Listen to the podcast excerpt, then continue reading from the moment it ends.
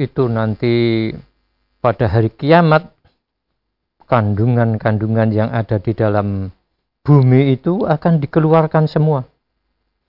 Sehingga sampai nanti kepingan-kepingan emas itu sudah berada di dataran bumi ini yang semua sudah dikeluarkan oleh Allah SWT sebagai pertanda hari kiamat itu sehingga emas yang sekarang ini sangat berharga logam yang berbahagia nanti berserakan.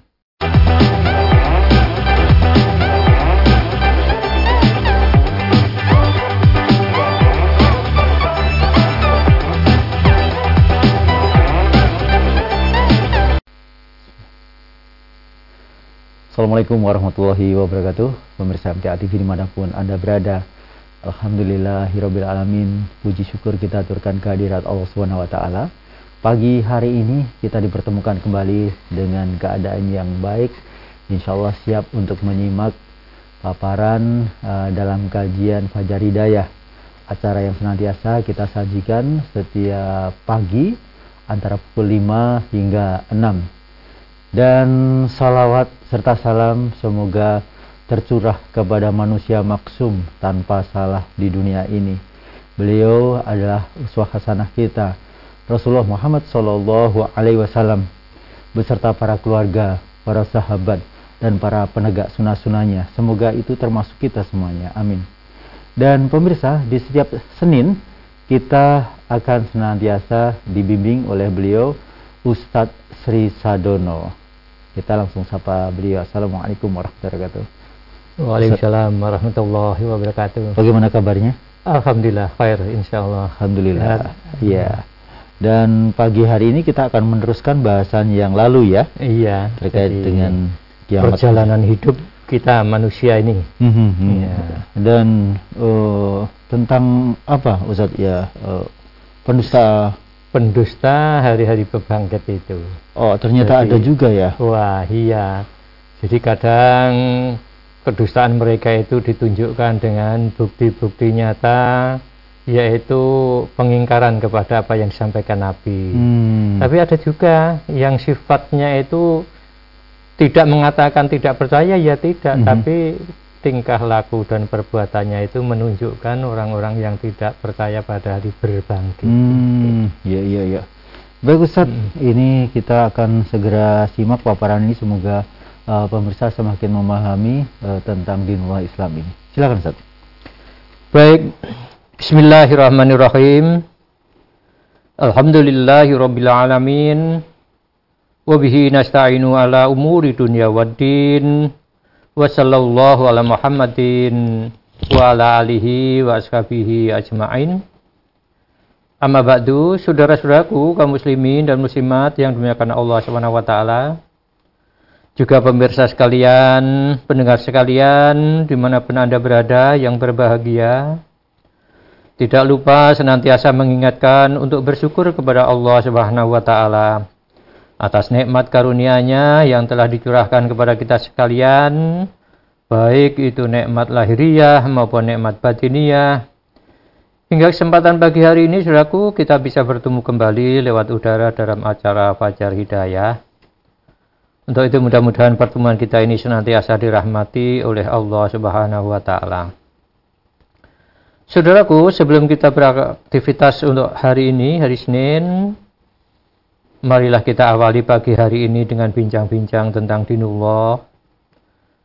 Lalu sama-sama kita perhatikan nasihat-nasihat yang ada di dalam agama kita, di mana agama kita itu bersumberkan daripada Al-Quran maupun As-Sunnah. Dengan harapan agar tingkah laku kita, perbuatan kita, sampai ucapan-ucapan kita itu senantiasa berada di atas jalan yang lurus, di atas jalan yang benar, yang ujung-ujungnya kita mengharapkan keselamatan dan kebahagiaan hidup baik di dunia ini maupun di akhirat nanti. Saudaraku, kaum muslimin dan muslimat yang demikian Allah SWT masih ingin sampaikan tentang hakikat perjalanan hidup kita manusia ini di mana kita manusia ini di dalam kehidupan kita itu mengalami lima fase, lima tingkatan, lima, lima tahapan. Di mana sekarang ini kita berada di tahap yang ketiga, di mana kita hidup di dunia ini di tengah-tengah lima tahapan kehidupan manusia ini. Nah, saudaraku, setelah kita nanti manusia mati, nanti akan dibangkitkan oleh Allah Subhanahu wa taala. Kemudian nanti akan dihalau ke suatu padang mahsyar yang diciptakan oleh Allah setelah bumi, langit, dan apa yang ada ini akan hancur. Akan hancur sampai bumi-bumi yang sekarang ini kita tempati yang sedemikian indahnya itu nanti pada hari kiamat kandungan-kandungan yang ada di dalam bumi itu akan dikeluarkan semua. Sehingga sampai nanti kepingan-kepingan emas itu sudah berada di dataran bumi ini yang semua sudah dikeluarkan oleh Allah SWT sebagai pertanda hari kiamat itu. Sehingga emas yang sekarang ini sangat berharga, logam yang berbahagia, nanti berserakan sehingga sampai di dalam hadis Nabi mengatakan nanti ketika itu orang yang dulunya waktu hidup di dunia ini sebagai pembunuh, dia akan mendatangi emas-emas yang begitu berharga itu tadi. Tetapi mendatangi itu untuk mencemooh. Tidak untuk diambil, tidak. Sudah tidak ada harganya. Kemudian dia mengatakan, gara-gara kamu sehingga aku menjadi pembunuh. Karena aku menginginkan harta, menginginkan harta dunia, sehingga sampai aku berani membunuh orang yang punya harta, punya emas itu, yang akhirnya sekarang ini aku dalam keadaan menderita, ya, dalam keadaan tersiksa, hanya karena dulu aku menginginkan kamu, sehingga akhirnya emas yang dulunya sangat didambakan itu ditinggalkan begitu saja. Setelah mengatakan sebagai tanda cemoohan dan penyesalan karena ya gara-gara emas itu. Sehingga sampai berani membunuh, termasuk pencuri juga datang. Gitu. Sampai orang yang dalam kehidupan muamalahnya senantiasa penipuan-penipuan terjadi hanya karena masalah-masalah duniawiah yang dikejarnya itu. Lah akhirnya nanti sudahku, kalau itu semua sudah berlalu, kemudian manusia sudah dihalau di padang masyar, maka nanti manusia itu akan dibangkitkan lagi, dia akan dimintai pertanggungan jawab, sehingga di sana ada hisab, di sana ada mizan yang nantinya semua manusia itu akan mengalaminya kalau sudah sampai fase yang demikian itu. Namun saudara-saudaraku kaum muslimin dan muslimat yang dimuliakan Allah SWT, Nabi di dalam menyampaikan akan datangnya hari berbangkit, hari hisab, gitu, hari pertanggungan jawab, nanti banyak orang-orang kuras pada saat itu memang standar dakwah pada awal-awal dulu itu adalah orang kuras, orang Arab sana, banyak yang tidak percaya dengan apa yang disampaikan Rasulullah SAW itu. Padahal yang disampaikan Nabi itu adalah wahyu dari Allah SWT yang menjelaskan, memberitakan tentang akan datangnya hari berbangkit itu. Sehingga orang-orang yang tidak percaya itu, dia menyanggah dengan adanya hari berbangkit, di mana hari berbangkit nanti manusia itu oleh Allah Subhanahu wa taala itu jasadnya itu akan disatukan kembali dengan ruhnya sehingga nanti menjadi orang yang hidup di sana itu. Nah, sehingga akhirnya saudaraku, orang-orang kafir kuras itu menyanggah gimana Muhammad itu. Orang yang sudah mati itu, yang sudah bertahun-tahun, dikubur, sudah menjadi tanah, sudah menjadi tulang belulang, Bagaimana akan dibangkitkan lagi, akan dihidupkan lagi itu bagaimana? Itu sanggahan daripada orang-orang yang mendustakan akan adanya hari berbangkit itu. Dia tidak percaya kepada hal itu. Maka oleh sebab itu Allah Subhanahu wa taala menurunkan wahyunya kepada Nabi sallallahu alaihi wasallam. Dikatakan di dalam surat Al-Waqiah itu a'udzubillahi minasyaitonirrajim wa kanu yaquluna a'idza mitna wa kunna turaban wa idaman a inna lamab'usun. Gitu awa abauna awalun kul innal awalina wal akhir wal akhirina la majama'una ila miqati yaumi ma'lum dan mereka selalu mengatakan apakah apabila kami mati dan menjadi tanah dan tulang belulang apakah sesungguhnya kami benar-benar akan dibangkitkan Apakah bapak-bapak kami yang dahulu juga akan dibangkitkan pula? Katakanlah sesungguhnya orang-orang yang terdahulu dan orang-orang yang terkemudian benar-benar akan dikumpulkan di waktu tertentu pada hari yang sudah dikenal. Nah, ini di dalam surat Al-Waqiah ayat 47 sampai ayat 50 itu memberitakan semacam itu itu orang memberitakan orang-orang kafir Quraisy ketika Rasulullah SAW menyampaikan wahyu-wahyu yang berhubungan dengan akan adanya hari kebangkitan, akan adanya hari hisab, hari di mana manusia itu akan dimintai pertanggungan jawab atas segala apa yang telah dikerjakan sewaktu hidup di dunia itu. Lah orang-orang kafir Quraisy itu itu tidak percaya yang demikian itu. Karena apa? Mereka melihat orang-orang yang sudah ada di makbara, sudah ada di kuburan itu, sudah bertahun-tahun dia di situ. Sudah menjadi tanah, sudah menjadi tulang belulang. Mana bisa akan bisa dibangkitkan kembali seperti sekarang hidup ini? Apa mungkin yang demikian itu? Lah ini akal-akal mereka itu tidak bisa menjangkau akal mereka itu dengan adanya hal-hal yang semacam itu. Karena memang saudaraku kaum muslimin dan muslimat yang demikian Allah SWT berkenaan dengan hari-hari sesudah kita nanti meninggal dunia ini, meninggalkan dunia ini, itu masuk ke dalam alam-alam yang goib bagi kita sekalian ini, sekarang ini.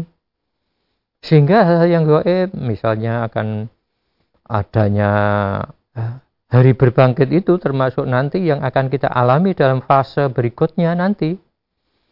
Yang sekarang ini masih goib. Nah, hal-hal yang goib semacam itu bagi orang-orang yang beriman itu memang agar supaya diimani. Tidak dituntut untuk mengetahui hakikat sebenarnya gimana tidak dituntut sekarang ini.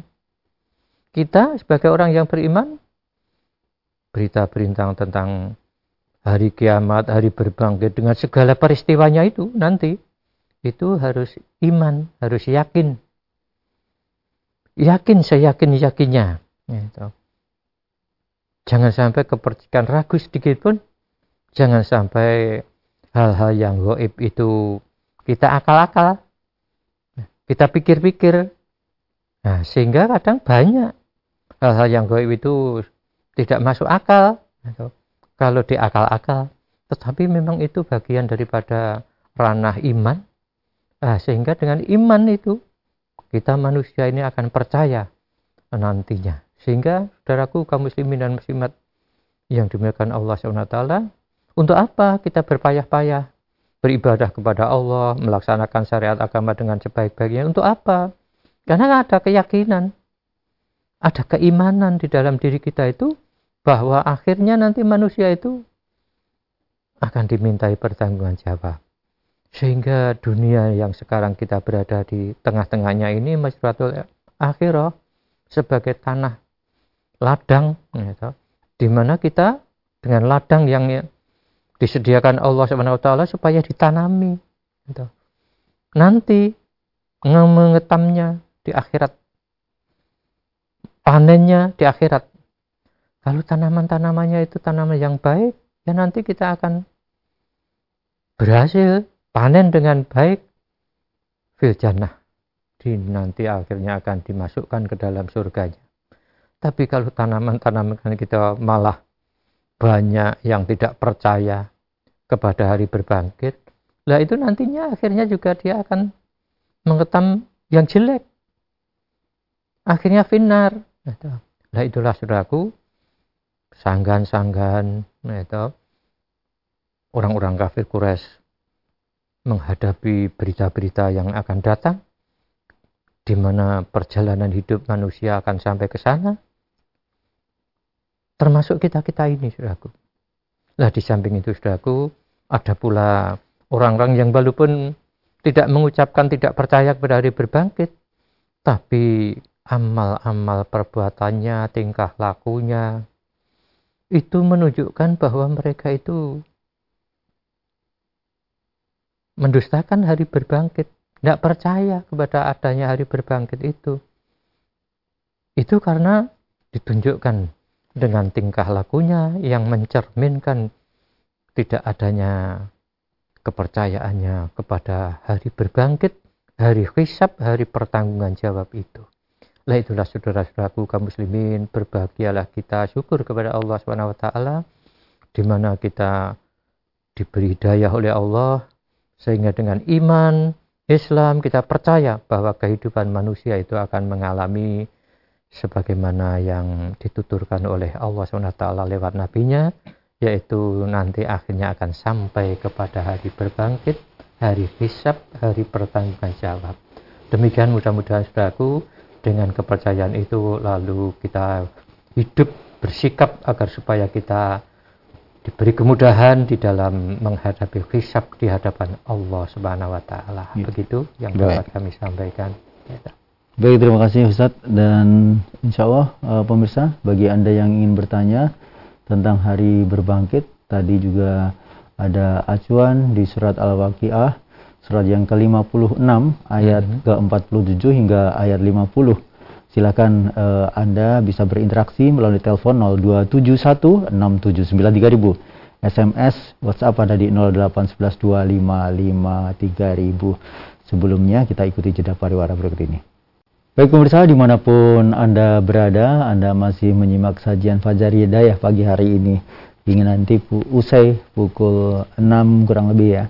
Dan pagi hari ini masih di tema Hari Berbangkit dan tadi uh, subtemanya adalah uh, pendusta agama uh, tentang uh, Hari Kebangkitan tersebut. Dan kita langsung saja Ustadz uh, bagi yang telepon silahkan di 0216793.000 SMS WA ada di 08192553000. Langsung kita buka kesempatan di telepon. Halo, Assalamualaikum warahmatullahi wabarakatuh. Halo, Assalamualaikum. Iya, kita buka untuk uh, eh, WA ya. um, pertanyaan berikut ini keluar tema itu saat tidak ya. apa ya saat dari Tangerang ya dari uh, Sulung Putra di Tangerang. Hmm. Uh, Ustadz saya tanya jika punya emas emas tersebut dipakainya hanya kadang-kadang saja. Yeah. Yang demikian itu termasuk harta simpanan atau tidak hmm. dan zakatnya cukup sekali saat beli saja ataukah tiap uh, tahun begitu. Hmm. Yang kedua, untuk harta simpanan yang perlu dizakati tiap tahun apakah ada nisabnya minimalnya? Ya. Iya, jadi namanya harta simpanan itu memang itu ibaratnya tabungan, ya, tabungan.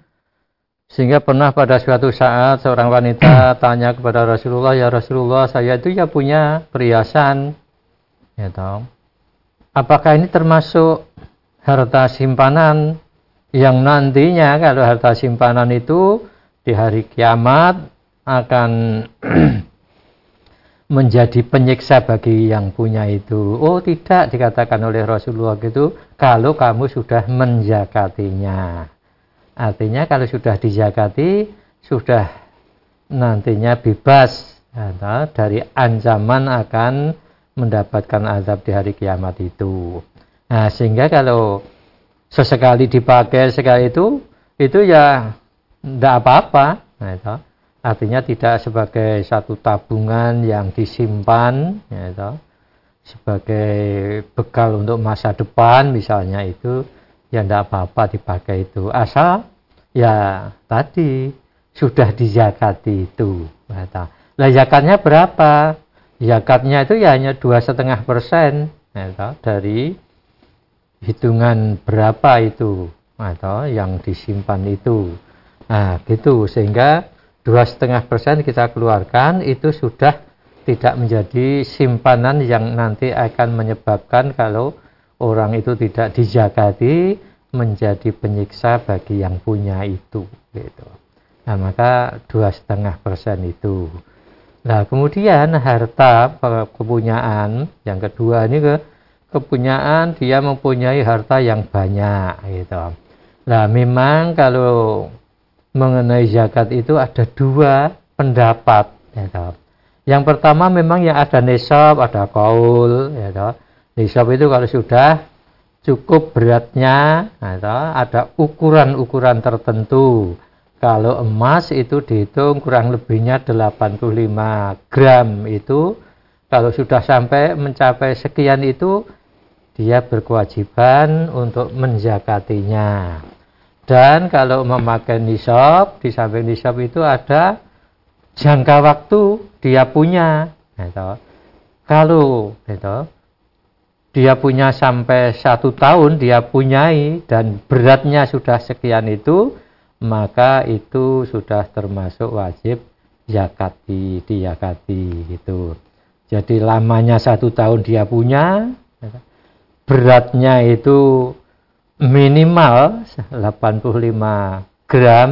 Nah, lah itu kemudian ada yang berpendapat langsung harta yang kita punya itu dinisbatkan dengan dengan berat dan waktunya itu. Nah, nah, misalnya kita punya mobil kita punya rumah dan sebagainya itu dan harta-harta yang lain itu kalau lebih daripada itu ya harus zakat. Nah, Nah, memang kalau memakai nisab dan kaul itu itu setiap tahun itu ya harus dizakati ya setiap jauh tahun dizakati kalau sudah minimalnya punya sekian itu. Nah, kemudian pendapat yang kedua itu istilahnya memakai jiwa agama. Kenapa memakai jiwa agama? Karena pernah pada suatu saat Nabi itu melihat ada seorang ibu yang menggendong anaknya yang kecil, sedangkan anak yang kecil tadi memakai gelang emas. Ya, jadi tanya oleh Rasulullah SAW, gitu, wahai ibu, apa yang dipakai anak emas ya Rasulullah? Gitu, memakai emas, gelang emas. Gitu. Nah, Nabi mengatakan, apa sudah kamu zakati? Gitu. Ya belum, gitu. Om dikira emas yang dipakai anaknya itu ya tidak seberapa, beratnya itu ya tidak sampai berat sampai 85 itu tidak sampai sekian itu. Nah, sehingga tidak dijakati oleh ibunya tadi, oleh orang tuanya itu tadi. Akhirnya Nabi mengatakan, apakah kamu suka anakmu memakai gelang dari api neraka? Gitu. Lalu dilepas, karena belum dijakati, dilepas. Eh, kalau istilah kadisnya itu dibuang Artinya dilepas sebelum dizakati itu tidak dipakai lagi gitu. Nah, kemudian yang kedua juga pernah pada suatu saat Rasulullah itu pulang dari bepergian itu masuk ke dalam rumah dibukakan pintu oleh istrinya Aisyah gitu. Dibukakan pintu ketika membuka pintu itu Rasulullah melihat di jari tangannya Aisyah itu dilingkari oleh cincin. Nah, ditanya oleh Rasulullah, "Hai Aisyah, apa yang kamu, pakai itu?" Ini cincin dari perak ya Rasulullah untuk menyenangkan engkau. Nah, lah, apakah sudah kamu zakati? Nah, apakah sudah kamu zakati cincin dari perak itu? Perak itu nilai harganya itu di bawah emas. Ya, ya belum ya. Apakah kamu juga suka? Memakai cincin dari api neraka. Nah, dengan itu akhirnya yang pendapat kedua ini itu walaupun belum sampai nisab seperti bayi yang anak kecil yang memakai gelang emas itu itu belum sampai 85 gram itu belum sampai sehingga akhirnya dia kalau punya harta itu ya dijakati itu walaupun belum sampai nisab belum sampai ukuran emas sekian itu tadi. Nah itu. Sehingga akhirnya kalau orang-orang yang memilih artinya di dalam melaksanakan zakat itu memakai jiwa zakat itu ya seberapa dia punya kekayaan dizakati itu dua setengah persen. Sampai-sampai orang yang beriman yang di dalam mengamalkan zakat itu itu memakai jiwa agama itu. Setiap dia itu mendapatkan rezeki dari Allah dia itu, yakin hadza min fadli rabbi ini adalah karunia dari Allah. Nah karunia dari Allah itu banyak sebabnya. Ada yang sebagai pegawai ada yang karyawan ada pedagang dan sebagainya itu. Nah ketika mendapatkan keuntungan kalau pedagang pegawai kalau ya bulanan dan sebagainya itu dia keluarkan zakatnya itu setiap itu gitu karena merasa ini adalah karunia dari Allah ini orang yang beriman begitu lah begitulah zakat itu sehingga dia punya apa harta itu ya dia zakati itu begitu Bapak. Iya. Ya. Baik demikian Mas Sulung Putra di Tangerang. Berikutnya kita buka untuk telepon. Halo, Assalamualaikum warahmatullahi wabarakatuh. Hmm. Ya, bisa diulang untuk teleponnya di 0271 Halo, Assalamualaikum. Halo, Assalamualaikum. Assalamualaikum. Halo, Assalamualaikum. Hmm. Assalamualaikum. Waalaikumsalam warahmatullahi wabarakatuh. Ya, dengan siapa Pak? Di mana? Ya, dengan siapa Pak? Di mana? Dari Bapak Martoyo Jakah Bayan Purworejo.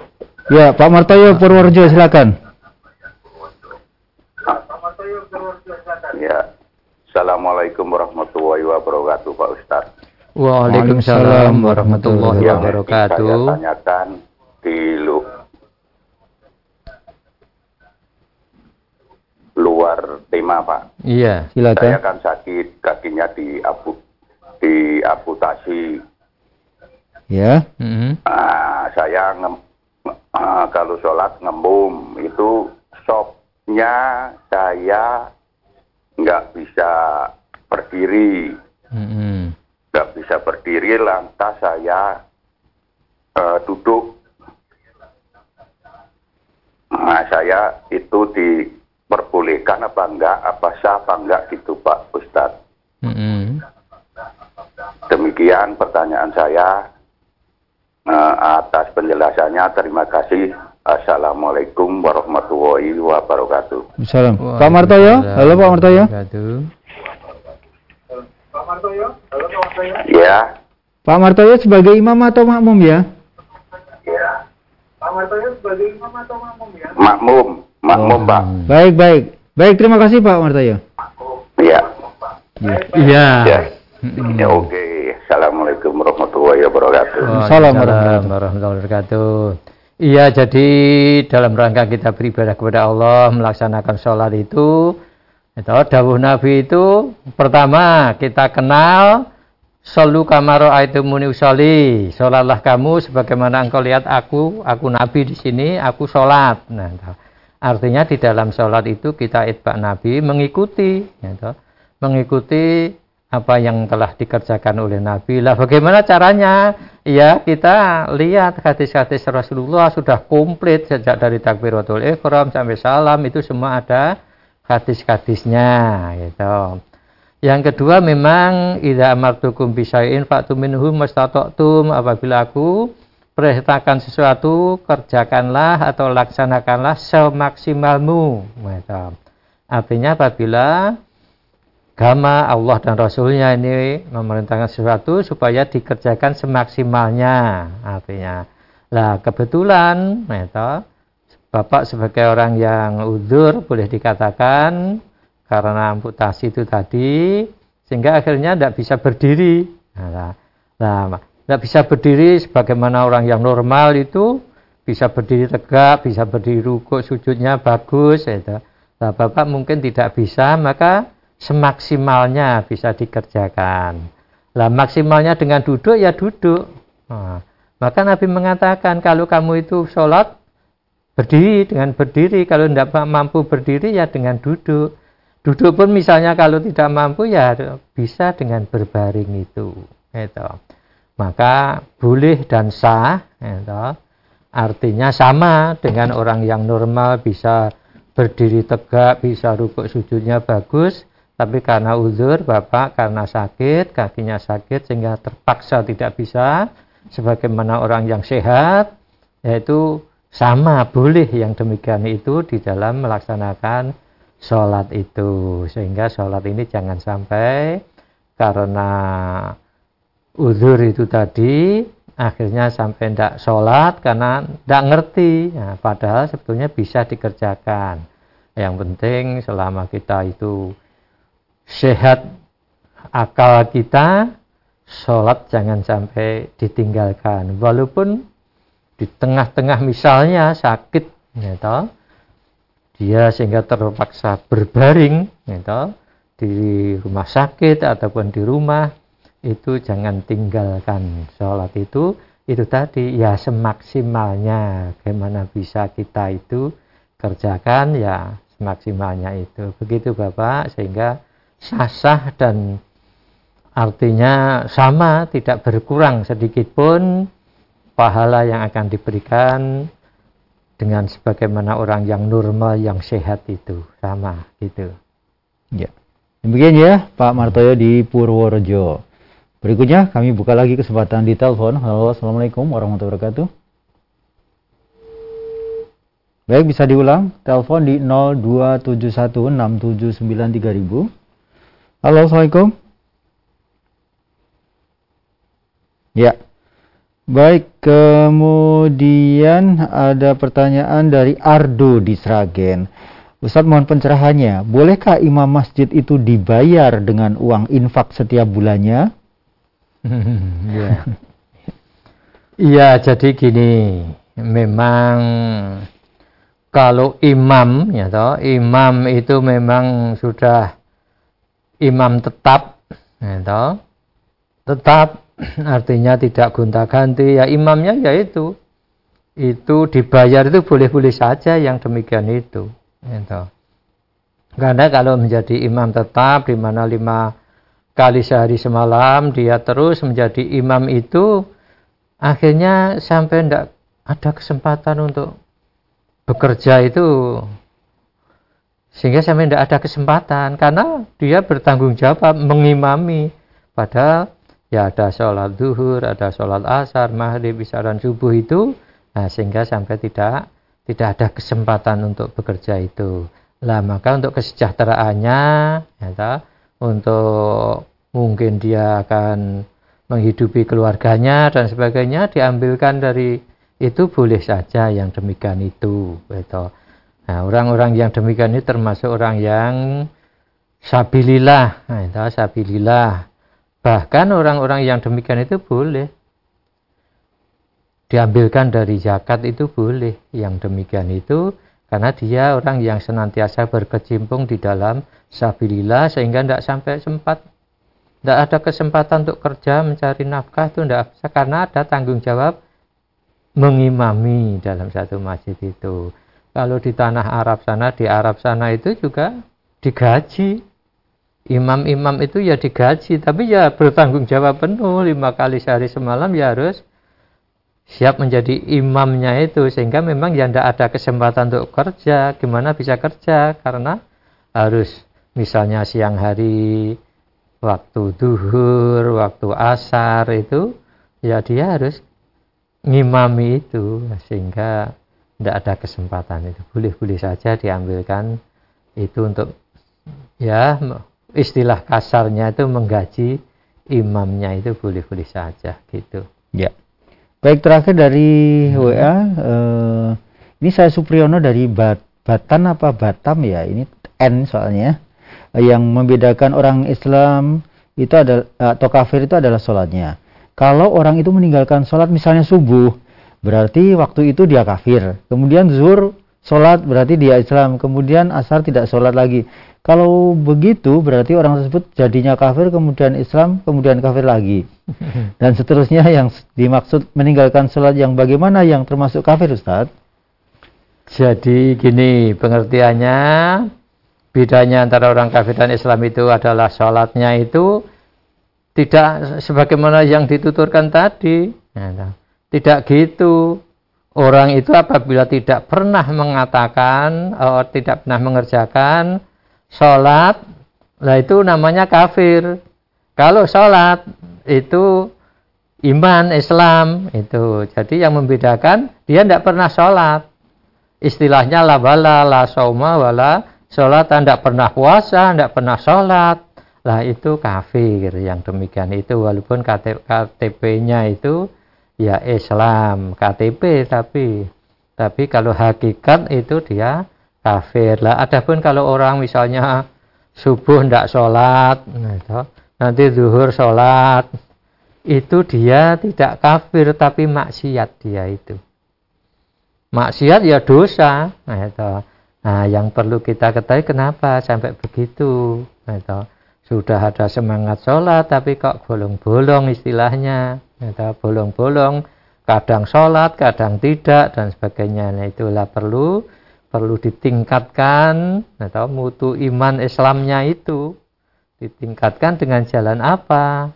Dengan jalan yaitu bersanding dengan Quran dan Sunnah itu sebagai sumber. Nah, gimana caranya bersanding dengan Quran Sunnah? Ya ngaji istilahnya. Dengan ngaji itu nanti akan membina pribadi itu. Gitu. Jadi dengan ngaji itu nanti akan bisa merubah. Sampai watak seseorang itu bisa berubah dengan ngaji dengan membaca Al-Quran gitu. maka sering kita dengar dari beliau itu mengatakan atau Ustaz itu mengatakan bahwa Al-Quran itu selamanya tidak akan ada perubahan. Tidak ada perubahan satu titik pun satu kata pun tidak ada perubahan Al-Quran itu. Ya sejak dulu sampai nanti hari kiamat itu begitu tapi Al-Quran itu bisa merubah bisa merubah karakter manusia, watak manusia, perangai manusia itu bisa dirubah dengan Al-Quran itu. Nah, jadi Al-Quran tidak berubah, tapi bisa merubah. Nah, yang tadinya orang itu jahat, perangainya kasar dan sebagainya, bisa berubah dengan Al-Quran itu. Al-Quran itu begitulah. Sehingga Al-Quran sejak dari diturunkannya sampai nanti hari kiamat tidak ada perubahan sedikit pun tidak ada. Tapi Al-Quran itu bisa merubah kalau orang itu mau memperhatikannya dengan jalan ya mempelajarinya, mengkajinya, mentadaburinya itu. Begitu. Ya.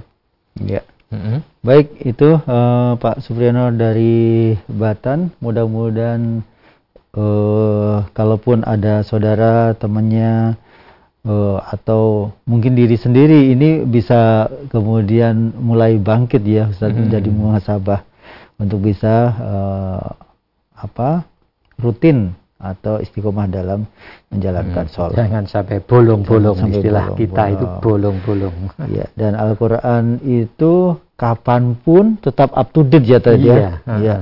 Ya. Meskipun itu turunnya sudah beberapa ratus tahun yang lalu, insya Allah diaplikasikan di zaman apa pun, tetap up to date hingga akhir zaman bahkan ya Ustaz ya. iya. ya. Terima kasih Ustaz atas nasihatnya eh, pagi hari ini. Semoga untuk pemirsa atau kita semuanya mendapatkan manfaatnya. Selamat melanjutkan aktivitas kembali dan mudah-mudahan sehat selalu. Wassalamualaikum warahmatullahi wabarakatuh. Waalaikumsalam warahmatullahi wabarakatuh. Pemirsa di mana pun Anda berada, demikian tadi sajian Fajar Hidayah untuk pagi hari ini.